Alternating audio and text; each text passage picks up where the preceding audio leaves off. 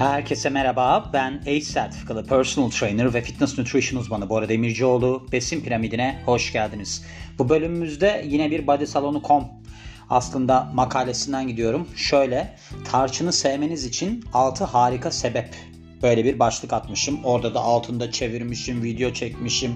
Güzel günlerdi ya gerçekten. Yani ben bunları yaptım da zannedersem yıl 2016 filandı. Yani bir yaklaşık 5-6 sene geçmiştir. Şimdi de onları yorumluyorum. Güzel oluyor.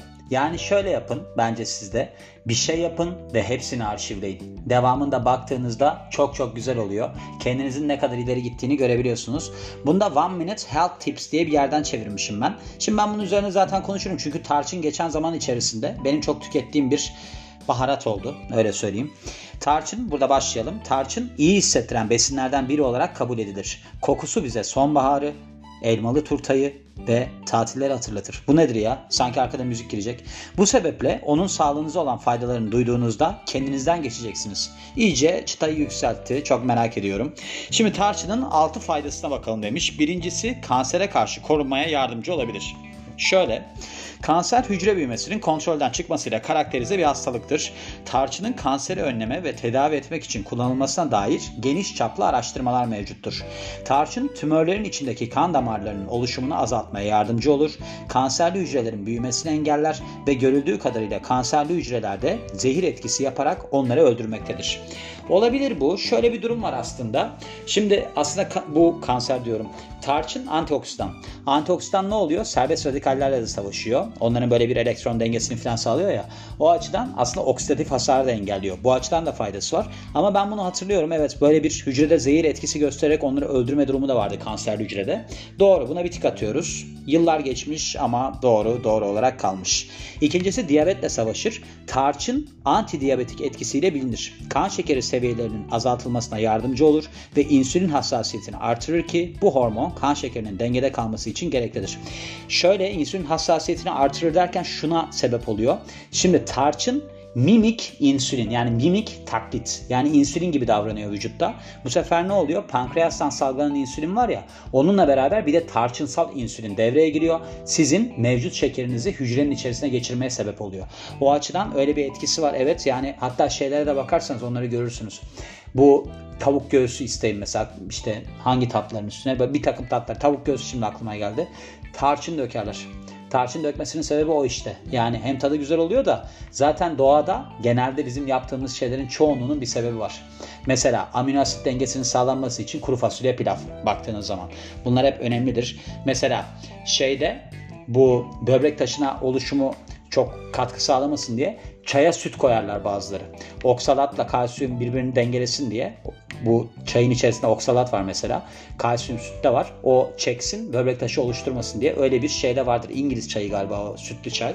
Öyle yani geçmişten gelen şeyler bazı durumlarda etkili oluyor.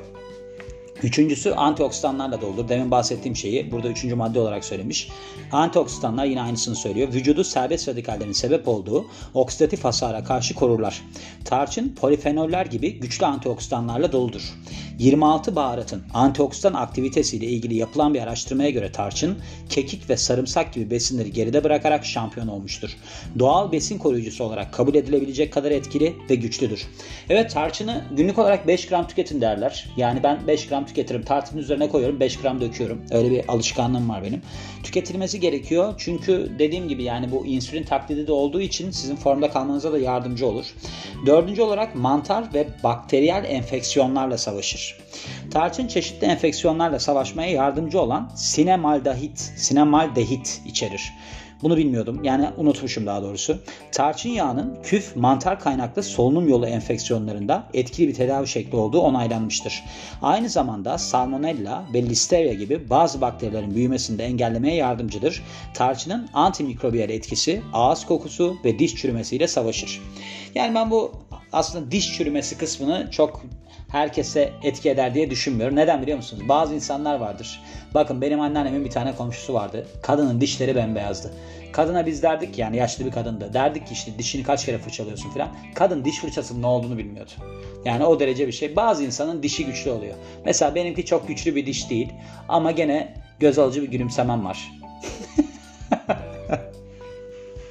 O yüzden hani ben tarçının çürüğü koruyu falan etkilerine pek inanmıyorum. Ha belki şu olabilir. Hani şekeri daha fazla hücre içerisine geçiriyor ne bileyim ağızda kalmıyor falan diyeceğim de onda pH ile alakası var. Yok yok bu olmaz. Ben inanmadım buna. Alerjiyle savaşır. Beşincisi. Genel alerji semptomlarıyla histamin reaksiyonu ve enflamasyon karşıtı yapısı sebebiyle savaşır. Tarçın aynı zamanda bağışıklık sistemini destekleme kabiliyetine de sahiptir ve sindirim sistemi için faydalıdır.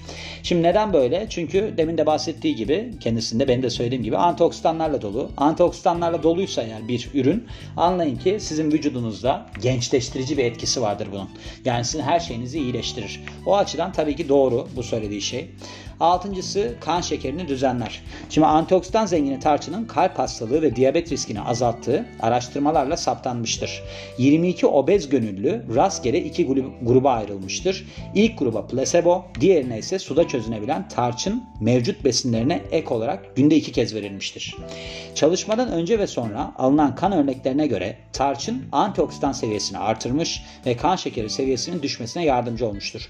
Demin bahsettiğim şeyi burada toparlamış aslında. Tabii ki dedim ben size işte böyle bir taklit, insülin taklidi olursa o zaman ne olur? Sizin hücreye geçirir. Kanınızda şeker çok kalmaz. Burada şeyi bahsetmiş. Ne kadar tarçın tüketmeliyiz devamında. Şimdi 6 tane özelliğini verdi. Amerikan Sağlık Kurumu'nun verilerine göre tarçının günlük kullanım dozu 6 hafta veya daha az bir süre için günlük 6 grama kadardır. Aynı şekilde ara vermeksizin tarçın tüketiminizi haftada 2 gün pardon 2 günlerden çıktı 5 gün olarak sınırlandırabilirsiniz. Herhangi bir beslenme düzenine yeni başlayan kişi için tarçın tüketiminde aşırıya kaçmamak ve kullanmadan önce doktora danışmak son derece önemlidir. Tarçının aşırı tüketilmesi olumsuz etkileri yol açabilir. Kan şekerini düşürebilir olumsuz etki olarak. Yani o önemlidir tabi. Biraz böyle bir kan şekeriniz çakılabilir. Çok fazla insülin olduğu zaman. Reaktif hipoglisemiye belki yol açabilir. Ama Hani doktora gidip bunu sormak gerçekten fantaziymiş. Yani doktora gidip ben tarçın tüketeceğim, tüketebilir miyim? Hani şey de olabilir. Sizin böyle bir tip 1, tip 1 diyabetiniz vardır, tip 2 diyabetiniz vardır filan. Hani doktorla lafın arasında onları da koyabilirsiniz ama randevu parası ödeyip doktora bunu sormak katılmıyorum. Tarçını beslenmenize nasıl eklemelisiniz? Bütün öne çıkarılan sağlık faydalarına rağmen tarçını büyük miktarlarda tüketmeniz gerektiğini savunmuyorum demiş. Yani ben demiyorum bunu şu anda. Öyle yazıyı çevirdiğim için oradan okuyorum. Bunun sebebi fazla tüketilmesi durumunda zehirli etkisi olabilmesidir. Bir tutam ya da bir çubuk tarçını kahve, çay veya bir başka iştah açıcı beslenme, besininize ekleyerek tüm sağlığınız üzerinde olumlu etkilerden faydalanma, faydalanmaya başlayabilirsiniz. Yani şu var zaten ne kadar etki, ekleyebilirsiniz onu bilmiyorum ama ben dediğim gibi 5 gram ekliyorum. Her gün ekliyor muyum? Yani hemen hemen her gün ekliyorum aslında. Bir zararını gördüm mü? Hayır bir zararını görmedim. Zaten şu şekilde gidiyorum ben. Mesela karbonhidratı çok yoğun aldığım durumlarda bakıyorum ki bu ara bu karbonhidrat miktarı uçtu. Sen bunu bir şekilde hani hücre içine geçirmeye çalış filan. Yaklaşık ben işte yaz aylarında çok fit oluyorum aşırı derecede. Yazla kış arasında benim bir 5-6 kilo oynuyor. Her kış 5 kilo alırım, her yaz 5 kilo veririm. Çok fit olurum. Ama şeydir hani fitness aralığındayım hep yani. 14'e hiç çıkmam bile. Şimdi erkeklerde ne mesela 14-17 fitness aralığı. Kadınlarda ne? O 21-25, 21-24 hatta. Öyle bir aralığı var. Şimdi ben 14'ü pek görmem yani. Benim nereden anlarsınız? İşte üstteki karın kaslarınız falan çıktığı zaman %10 civarındasınızdır. Benim üstteki 4'ü çıkar yani öyle söyleyeyim. Hani genelde 10'un 9 ile 10 arasında gidip gelen birisiyim ben. Ben bu tarçını işte öyle bir aslında bir şey yaparak karbonhidrat döngüsü uygulayarak tüketiyorum.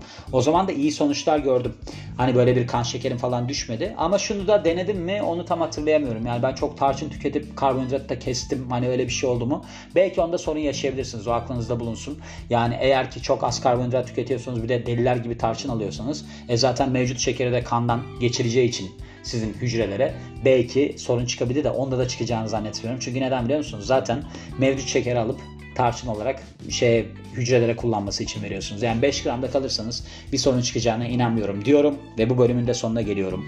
Beni dinlediğiniz için çok teşekkür ederim. Ben Bora Demircioğlu. Yeni bir bölümde görüşmek üzere. Hoşçakalın.